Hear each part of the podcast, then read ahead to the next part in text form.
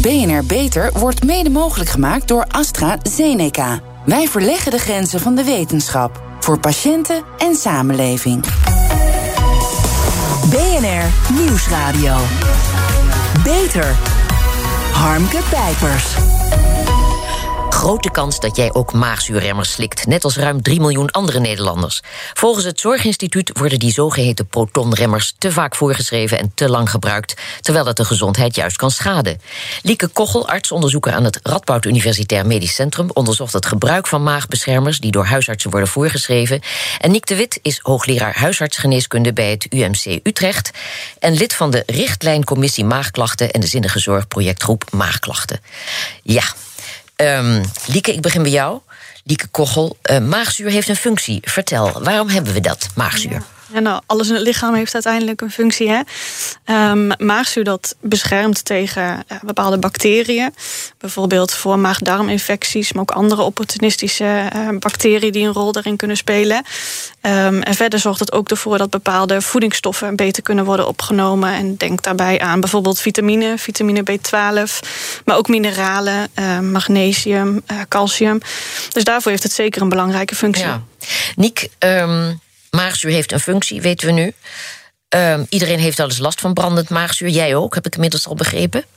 Voor het begin van deze uitzending. Maar er zijn dus heel veel mensen die kennelijk zoveel last hebben dat ze ermee naar de huisarts gaan. Met welke klachten komen ze dan?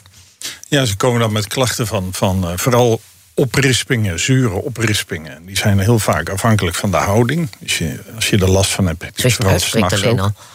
Ja. Zure oprispingen, ja. ja. Vreselijk. Maar kan het kwaad? Nee, op zich kan dat geen kwaad. Als je dat incidenteel zo nu en dan hebt, dan kan dat niet zoveel kwaad. Als je het continu hebt en langdurig, dan kun je er ontstekingen van krijgen in je slokdarm. En dan wordt het vervelend. Ja, Lieke, rond de 3 miljoen mensen slikken maagzuurremmers op recept. Het wordt kennelijk erg makkelijk voorgeschreven, hè? Nou ja, er zijn hele duidelijke richtlijnen voor van wanneer je zou moeten voorschrijven. En um, stel er komt iemand met maagklachten, dan, uh, zoals Nick vertelt bij de huisarts, dan wordt er eerst uitgevraagd van wat die klachten precies omvatten. Er wordt uitgevraagd wat voor factoren erop van invloed uh, zijn. Ook leefstijlfactoren wordt daarin meegenomen. Er uh, wordt ook gekeken van wat daarin te verbeteren is. Denk bijvoorbeeld aan roken, alcohol, overgewicht. En als dat uiteindelijk niet de oplossing is, dan kan er via een step-up mechanisme, noemen we dat, mm -hmm. kunnen zuurremmers worden voorgeschreven. En dat begint met lichtere zuurremmers en uiteindelijk eindig je met die protonpompremmers. Ja. We hebben het dus over die, die sterke maagzuurremmers, hè, die dus alleen op recept zijn te krijgen. En niet over, hoe heten ze, de rennies, de gaviscons en andere dingen die je bij de drogist kunt halen. Mhm. En die verschillen, nou, dat heb je eigenlijk al uitgelegd. Nick, er is een richtlijn voor artsen bij maagklachten. Wat, wat is nou die richtlijn precies? Uh, die richtlijn houdt in dat bij mensen die klachten hebben, dat je uh, in principe begint met uit te leggen wat er nou precies aan de hand is. Ja. En dat mensen daar zelf ook wat aan kunnen doen. Hè, door bijvoorbeeld beter op hun eetpatroon te letten. Dat je niet een half uur voordat je naar bed gaat nog hele zware dingen eet. Want dan krijg je er s'nachts last van. Wie doet dat nou? Ja, ja, er zijn veel mensen die nog even een borrelhapje nemen. Of één, twee, drie zakjes chips voordat ze naar bed gaan. Ja, daar oh kun je dan soms kun je daar last van krijgen. Ja, dus dat, dat is één ding. Een tweede, als dat allemaal niet helpt, is de volgende stap dat je een medicatieadvies geeft. En, en ja, zoals uh, al zei, dit is een step-up advies. Dat betekent dat je begint met, uh, met uh, in eerste instantie lichtere vormen. En die kunnen mensen ook zelf bij het kruidvat kopen. Ja. Dat zijn gewoon kalktabletten in feite die het zuur neutraliseren. En dat helpt ook meteen. Mm ja, als dat niet helpt, of als je ze heel vaak moet slikken, dan zijn er de, de volgende stap is wat we dan noemen de H2-receptor-antagonist. En dat zijn in feite medicijnen die de zuurremming voor 60, 70 procent stilleggen. Ja, en als dat niet helpt, is de derde stap. Maar eh, dan, dan ga je echt zuur voor 90 procent afremmen. Dat zijn de protonpompremmers. Ja, ja. Maar die richtlijn die er is, die, die wordt dus kennelijk niet nageleefd. Er komt in de praktijk te weinig van terecht. Ja, blijkt in de praktijk moeilijk om, die, eh, om, om de, de dokters mee te krijgen om die richtlijn goed na te leven. Ja, wat doen ze fout? Wat, wat, ja, wat, ze, wat ze bijvoorbeeld, uh, wat denken we in de praktijk vaak gebeurt, is dat mensen zeggen: ja, maar die van het kruidvat heb ik al lang gebruikt, dus die stap kunnen we overslaan. Dan gaan we meteen naar de volgende stap. Ja. Nou, dat, die, die werken niet zo effectief als die protonpompremmers, want dan, dan ben je er binnen twee dagen gewoon vanaf. Ja, dus mensen die gaan ook voor, de, voor het snelle succes daarin. Geef ze zo'n gelijk, het is zo Ja. ongelooflijk vervelend. Ja, zeker. Maar Ja. die artsen die plegen te, te weinig tegenspel? Nou, die houden zich dan toch te weinig aan, de, aan dat systeem van die drie stappen.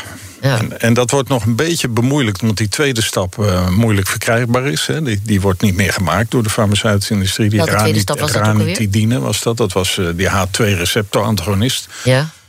Dus daar is, ja, dan is dat niet meer beschikbaar. Dan is de verleiding helemaal groot om meteen maar een stapje over te slaan. ja. Is, is de richtlijn kortom aan herziening toe? Als ik jou zo hoor wel, hè? Ja, nee, wij, wij vinden nog steeds dat dat principe van... eh, je moet niet meteen met, eh, met het, een kanon gaan schieten. Hè, dat als dat niet nodig is. Dus medicatie moet op het juiste niveau worden ingezet. Ja. Maar, maar goed, als de artsen zich daar niet aan houden, dan moet er toch iets gebeuren. Ja. Lieke Zorginstituut Nederland wil een herziening en betere navolging van de behandelrichtlijn. Dat is een nobel streven, maar ook goede informatie. Passende zorg voor de patiënt. Dat klinkt allemaal als een hele terechte ambitie. Maar is het ook haalbaar? Als ik het zo hoor, dan is het een hele klus. Nou ja, inderdaad, eh, terechte vraag wat dat betreft. Hè. Eh, ook de, de signalering dat die maagzuurremmers eh, deels onterecht worden gebruikt, dat is niet nu iets helemaal nieuws uit de lucht komen vallen. Er zijn al lange signalen dat daar, eh, dat daar iets in speelt. Dus dat laat ook maar zien hoe moeilijk het is om dat ineens te veranderen. En ehm, ik denk een belangrijk deel daarin, we noemden net al even leefstijlfactoren die ook meespelen in die klachten dat kost tijd om daar patiënten in voor te lichten, patiënten in te begeleiden. En ehm, ook deels hè, bijvoorbeeld qua verzekering wordt dat traject dan vergoed om dat te doen. Ehm, diëtistes voor maagzuurklachten bijvoorbeeld niet echt goed vanuit het verzekeringspakket. Terwijl dat bij overgewicht wel is. Dus er spelen allerlei factoren daarin mee. En uiteindelijk als patiënten bij de huisarts lopen met die klachten... heeft een huisarts 10 minuten. Ja, dat Ja. is best een uitdaging, kan ik me voorstellen. Ja, kortom, je roept al een heleboel wat er gebeuren, gebeuren moet. Maar wat voor traject zie je voor je? Of is dat Ja. nog een groot Ja, ook, dat kun je weer hè, in meerdere eh, factoren opdelen. Eh, wat ik persoonlijk heel interessant vind, is de mogelijkheid in hoeverre internet en e-health daarin kan ondersteunen. Mhm. Ik denk het informatiepakketje aan voorlichting, dat, dat is dan uiteindelijk voor iedere patiënt met maagklachten een beetje hetzelfde. Dat komt op hetzelfde neer, hetzelfde bewijs wat we hebben. Ehm, dus de vraag is of je dat niet in plaats van persoonlijk in één op één gesprekken op een andere manier kan aanbieden. En ik denk dat bijvoorbeeld informatie via thuisarts, e-learnings, ehm, applicatie op de telefoon, noem maar op, dat die daar bij uitstek ook makkelijker dichter bij de patiënt kunnen komen en deels dat stukje kunnen overnemen. Ja, Nick, waar, waar zie jij de oplossing? Ja, nou, het, het blijkt wel dat het via de, via de professionals, via de huisartsen, overigens ook via de specialisten, moeilijk is om dat echt te, te beïnvloeden. Dus ik denk dat, dat betere voorlichting aan patiënten daar, eh, daar nu de eerste keuze in is. Hè. Ja. Dat we zeggen, het staat goed op thuisarts. En we zitten, er zijn extra voorlichtingsfilmpjes over maagzuur, ook op thuisarts. Eh, Die komen er binnenkort op. En dan wordt het een stuk. eh, nou ja, Oh, binnenkort. En dat zijn afschrikwekkende filmpjes. Nee hoor, nee, nee, dat zijn hele onschuldige filmpjes waarin gewoon nou ja, ben duidelijk wordt uitgelegd. gewoon. Ja. Ja. Nee, oké, want mensen moeten toch meer doordrongen worden van de risico's die er wel degelijk zijn. Waar, waar hebben we het nou eigenlijk over? Is dat een heel klein percentage? Ja, de, de risico, de bijwerkingen van de protonpompremmers, dat, dat is echt. eh, en dat zijn wat we noemen epidemiologische risico's. Maar Ja. juist omdat we zoveel gebruikers hebben, zijn ze niet. eh, het is ook niet zo dat we ze moeten verwaarlozen. Ja. Maar goed, eh, de, de risico's zijn al genoemd. Hè? Botontkalking, infecties, vitaminetekorten. Eh ja, dat is niet niks, toch? Ja, zeker. Ja. En vooral door dat grote getal. En langdurig gebruik, waar hebben we het dan over? Hoe, hoe lang is dat? Hoe lang slikken mensen gemiddeld? Nee, we, me- meestal wat, er- wat we in de richtlijn zeggen, gebruik het nou een tijdje. Hè, maximaal twee, drie maanden. En dan, en dan stop je er ook in mee. En dan kijk je of het over is. Ja. En dan ja, mocht het weer terugkomen, kun je altijd weer een overleg met je huisarts zeggen, we beginnen opnieuw. Maar de, de, de valkuil van, van maagzuurremmers, van die protonpompremmers, is dat als je ermee stopt, dat je een soort, eh, je krijgt een reactie van het lichaam waarin het juist extra maagzuur aan, aan gaat maken. Dus het schrikbeeld wat je terecht stelt, dat, dat krijgen mensen ook daadwerkelijk terug. Ja, Tenzij je erbij zegt, gebruik nou die eerste twee weken even, even de, de kruidvattabletten erbij. Of Ja, ja. de H2-receptorantagonisten. Want dan rem je dat zuur af. Maar als je Ja. dat niet doet, ja, dan krijg je een cold turkey bijna op je maag. Dan, eh, ja. En, en die risicogroepen, dat is, dat is maar klein. Hè? Lang niet iedereen krijgt die vreselijke gevolgen. Dus mensen denken natuurlijk allicht, nou ja... hm, zal mij wel niet gebeuren. Ja, Ja. Ja. Ken u dat begrijpen, dokter? Ja, zeker. Ja, nee, dat kan ik heel goed begrijpen. Ja. Lieke, het zijn uh, toch geen geringe risico's, hè? maar mensen blijven massaal protonpompremmers slikken. Zijn ze wel genoeg op de hoogte van wat de gevaren daarvan zijn? Zijn doktoren wel actief genoeg wat dat betreft? Geven ze wel voldoende voorlichting? Praten ze lang genoeg met de patiënt? Ja, nou ja, we hadden het net al over die tien minuten in de spreekkamer. Ja. Dat, dat is gewoon heel kort om alles voor te lichten. Um, het blijft een uitdaging om het hele plaatje in die 10 minuten aan de patiënt over te brengen. En ook de vraag wat patiënten in die 10 minuten allemaal onthouden. Um, ja. In de praktijk wordt ook wel eens gewoon een blaadje meegegeven. Bij de apotheek krijgen ze ook een blaadje, hè, een bijsluiter. Ik vraag me af hoeveel mensen dat echt gaan lezen, hoeveel dat opslaan. Dus ik denk dat daarin echt nog wel verbetering mogelijk is. Om patiënten meer bewust te maken van: goh, wat gebruik ik nu? Wat zijn goede redenen daarvoor? Hoe lang ja. moet ik het dan gebruiken of wanneer we stoppen? En ook wat zijn de kanttekeningen ervan? Dus, dus de motivatie om ook weer op termijn ermee te stoppen. Ja, en, en bestaan er ook maagzuurremmers die geen schade aanrichten? Of zijn die in de maak? Geen schade is een heel groot woord. Ik denk alle medicijnen of mm -hmm. alles wat we geven, dat dat allemaal zijn kanttekeningen heeft. Uh, maar we hadden net over dat step-up beleid. En dan zitten dus nog twee stapjes aan lichtere zuurremmers onder, die minder schadelijk zijn. Dus hè, uh, ik ga er altijd een beetje vanuit van hoe lager in dat step-up beleidje uitkomt, hoe beter uiteindelijk voor de patiënt. Ja, maar dat gebeurt in de praktijk te weinig? Nou ja, um, ik kan je voorstellen, die protonpompremmers, die werken gewoon ontzettend goed. Dat is echt de quick and dirty oplossing. Daar zijn mensen heel tevreden mee. Dus dan moet je met een goed verhaal komen, goede voorlichting, de tijd voor nemen om patiënten ook te begeleiden om dus stapjes naar beneden te gaan in die. Uh, in die piramide hè, van ja, die zuurremmers. quick and dirty, zei je, maar er wordt alleen maar vermeld quick. En niet dirty. dirty, ja. Het, het, zijn, het zijn hele effectieve uh, medicijnen voor de klachten die patiënten ook ervaren. Ja, en zijn er nieuwe medicijnen die uh, aan al deze eisen voldoen? Zijn die in de maak? Niet voor zover ik uh, van op de hoogte ben, nee. Harmke Pijpers. 3 miljoen mensen in Nederland slikken sterke maagzuurremmers op recept. Dat zijn heel veel mensen met behoorlijk vervelende maagklachten. En daarover praat ik met mijn gasten artsonderzoeker Lieke Kochel en Niek de Wit, hoogleraar huisartsengeneeskunde. Niek, bij de meeste medicijnen komt het tenzij je een chronische aandoening hebt een moment dat je het gebruik gaat afbouwen met als doel om er helemaal mee te stoppen. Maar bij maagzuurremmers gebeurt dat dus niet. Want dat is dus te moeilijk of de huisarts heeft geen tijd. Nee, de, de, uh, zowel de patiënt als de huisarts schieten te makkelijk in de reflex van, nou ja, dan blijf je toch gewoon gebruiken. En dat komt bij de patiënt omdat je dat rebound-fenomeen krijgt, wat ja. echt heel vervelend is. En bij de huisarts, omdat die, denk ik, toch ook denkt van, nou ja, weet je, het werkt goed. Eh, relatief kleine kans op bijwerkingen, ga er maar lekker mee door. Ja, en de maagzuurremmers die worden op herhaling voorgeschreven. Het wordt zo voor de patiënt dus ook wel heel makkelijk ja. gemaakt om gewoon door te gaan met slikken. Bovendien vaak weet hij van niks, denkt dat het helemaal in orde is. Ja, dan moet dus nodig iets aan gedaan worden, lijkt me. Ja. Ja?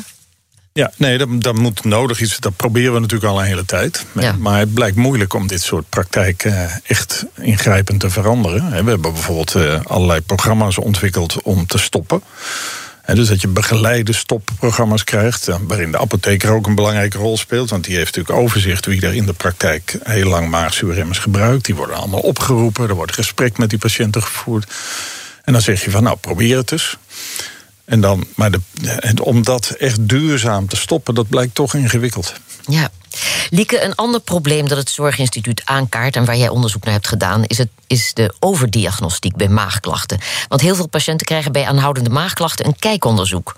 Hoe vaak komt dat voor? Nou ja, toch, toch best wel een groep. Hè? Meer dan um, wat wij denken als artsen onderbouwd wat zinvol is. Mm -hmm. uh, dus daar is ook nog een, uh, een verbeterstap mogelijk. Maar weet je absolute getallen? Zou ik zo niet, uh, niet uit mijn hoofd die durven te noemen. Ah. Maar goed, er is ook een richtlijn voor. Hè? Wanneer komt iemand in aanmerking voor zo'n onderzoek? Nou ja, er zijn een aantal redenen uh, om, om echt zo'n onderzoek te doen, hè, om daarin door te pakken. Uh, bijvoorbeeld alarmsymptomen. Kun je je voorstellen als iemand bloed braakt of oud bloed bij de ontlasting heeft, of als eten niet goed meer doorzakt vanuit de slokdarm, dat dat redenen zijn om wel echt door te pakken met zo'n maagonderzoek. Uh, ook een reden kan zijn als iemand klachten heeft van de maag en als er in nabije familie maagkanker voorkomt. Hè, we weten ook dat dat een, een, relatie heeft, dus dat die kans dan groter kan zijn dat iemand ook iets van kwaadaardigheid, dus kanker, uh, heeft. Dus dat, dat zijn de redenen om echt gelijk door te pakken. Um, dan zegt de richtlijn ook al van er zijn ook een, een soort van aan, ja, overwegingen, hè, uh, niet harde redenen om door te pakken. En dat is bijvoorbeeld patiënten die boven de 50 jaar zijn die aanhoudend maagklachten hebben. En die boven de 50 jaar komt dan met name ervan uit van dat hoe ouder je wordt, hoe groter de kans dat er toch iets gaat groeien, iets kwaadaardigs ook. En dat zijn echt dingen die je wil uitsluiten, waar je gewoon zekerheid over wil hebben. Ja, die onderzoeken kosten geld. Over wat voor bedragen hebben we het? Oei, een uh, maagonderzoek. Ik, het precieze bedrag weet ik niet helemaal uit mijn hoofd, maar ik schat in de grootte van 100 euro. Ja, Niek, weet jij dat? Ja, ik denk dat het ongeveer 100 euro is, maar oh, precieze bedrag weet ik ook niet. Jullie zijn niet zo goed in de cijfers. Nee. Nee. nee. Maar goed, ik begreep dat uh, volgens het Zorginstituut, wij hebben dat uh, begrepen, een besparing van 19 miljoen per jaar zou dat kunnen opleveren. Dus minder van die overbodige onderzoeken. Ja. Ja. Nou, zijn jullie onder de indruk? Nee, wel. Ja, van, de, van het, zowel van het bedrag als ja. van, uh, van het bedrag, als, uh, maar vooral ook van het probleem. Want, want het is niet zo dat, dat mensen nou allemaal, of dat huisartsen bewust denken: we sturen eens lekker iedereen naar de maag-darmarts toe. En zo werkt het ook niet. nee, ik heb zelfs begrip, want, want uh, ja, iemand van 30 met aanhoudende maagklachten bijvoorbeeld, die heeft daar behoorlijk veel last van. En dat hoort natuurlijk niet. Zijn artsen ook niet bang, gewoon heel begrijpelijk, om iets over het hoofd te zien? Want zo'n onderzoek, uh, ja, daar kun je ook ernstige dingen als een maagzweer of een tumor, of wat heb je nog meer voor rottigheid, die kun je daarmee uitsluiten. Ja, toch? Dat klopt, maar de, de kans dat dat gebeurd is op 30-jarige leeftijd natuurlijk niet zo groot. Hè? Dus dat is ook de gedachte achter die richtlijn. Van het gaat om kanker en het gaat om zweren.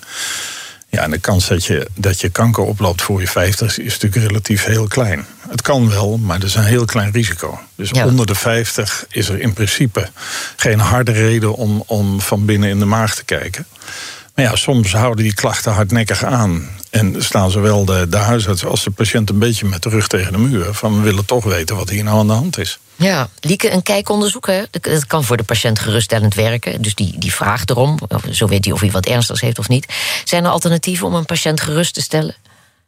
Nou, ik denk dat het met name weer terugkomt in die voorlichting waar we het net al over hadden. Van waar komen klachten vandaan? Um, dat, dat, dat patiënten toch iets meer grip krijgen en besef krijgen van de klachten, hoe ze daar invloed op kunnen uitoefenen en wat ze er zelf mee kunnen, uh, zonder gelijk door te pakken naar zo'n onderzoek. Plus daarbij dat ik het uh, zelf ook altijd wel zo eerlijk vind dat patiënten weten dat zo'n onderzoek niet de oplossing is voor de klachten. Mm -hmm. um, ik heb het idee dat, dat, dat patiënten wel eens denken van nou dan weet ik het en dan is het goed. Maar vaak komen ze dan toch weer terug van ja de klachten zijn er nog, dokter. En dan, dan, ja, dan is, is het probleem niet opgelost. En uiteindelijk zoeken ze een, een oplossing voor die klachten.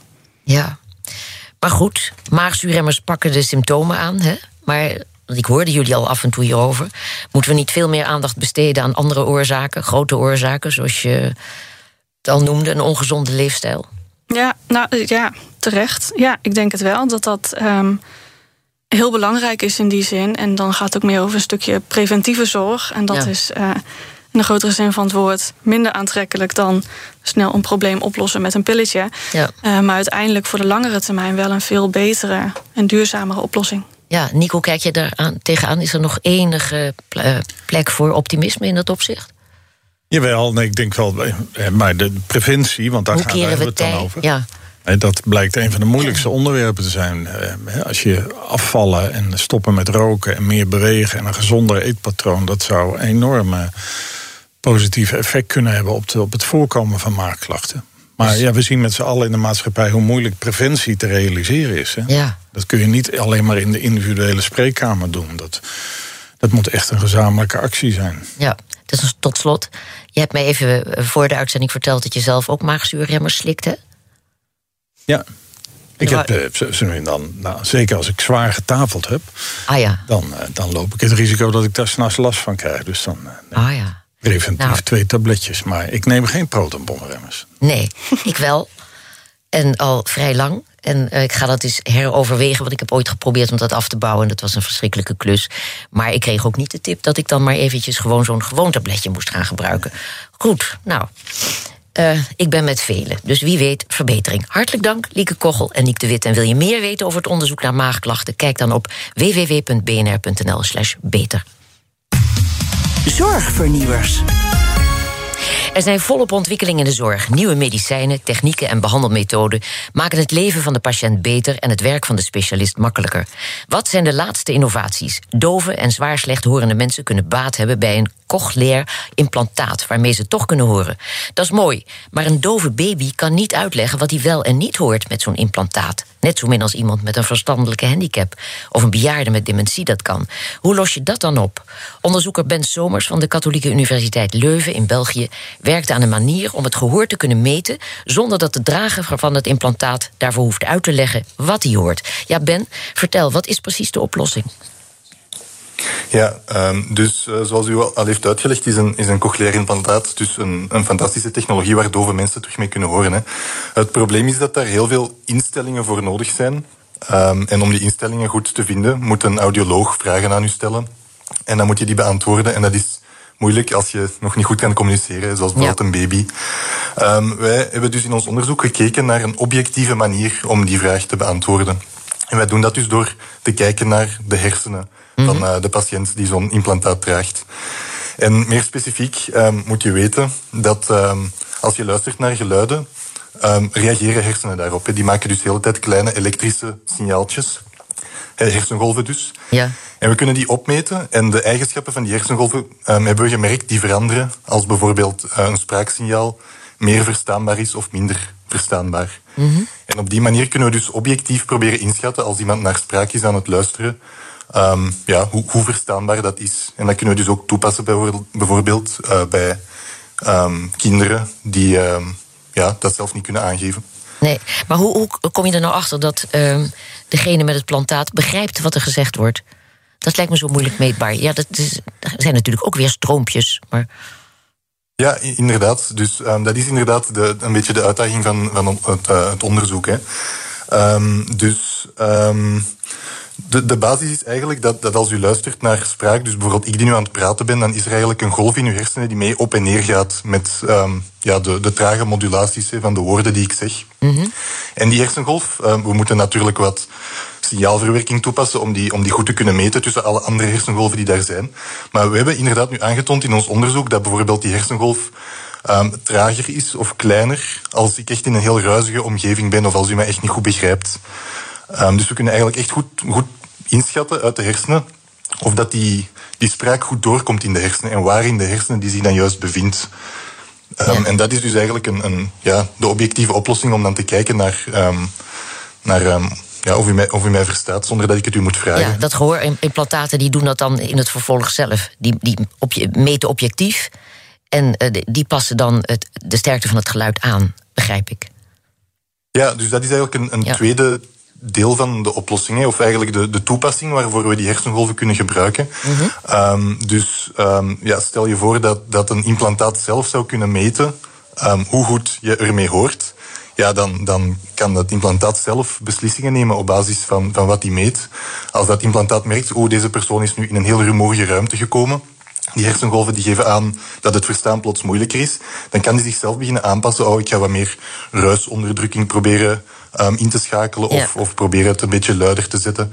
En dat zijn beslissingen die nu ja, moeilijk um, voor de patiënt zelf te kiezen zijn. Um, omdat ja, om, om heel veel instellingen aan te passen, moet je naar een, naar een audioloog gaan om, om het voor jou allemaal te laten regelen. Dus dit zou dan een oplossing zijn om heel adaptief, hé, op, op verschillende momenten van je, van je dag, het implantaat zichzelf te laten bijstellen. Fantastisch. Ik begrijp dat het nog wel een paar jaar gaat duren, maar het is een, een, spannend en belangrijk onderzoek. Hartelijk dank, Ben Somers. Ja, en wil je meer weten over het onderzoek naar slimme cochleaire implantaten? Kijk dan op www.bnr.nl/slash beter. En tot zover deze uitzending van BNR Beter. Op bnr.nl/slash beter is deze uitzending terug te luisteren of on demand via de BNR-app en op uw favoriete podcast. We zijn ook op Twitter te vinden onder BNR Beter. Heeft u tips voor ons? Laat het ons weten. Ik ben Harmke Pijpers. Graag tot een volgend spreekuur. BNR Beter wordt mede mogelijk gemaakt door AstraZeneca. Wij verleggen de grenzen van de wetenschap. Voor patiënten en samen.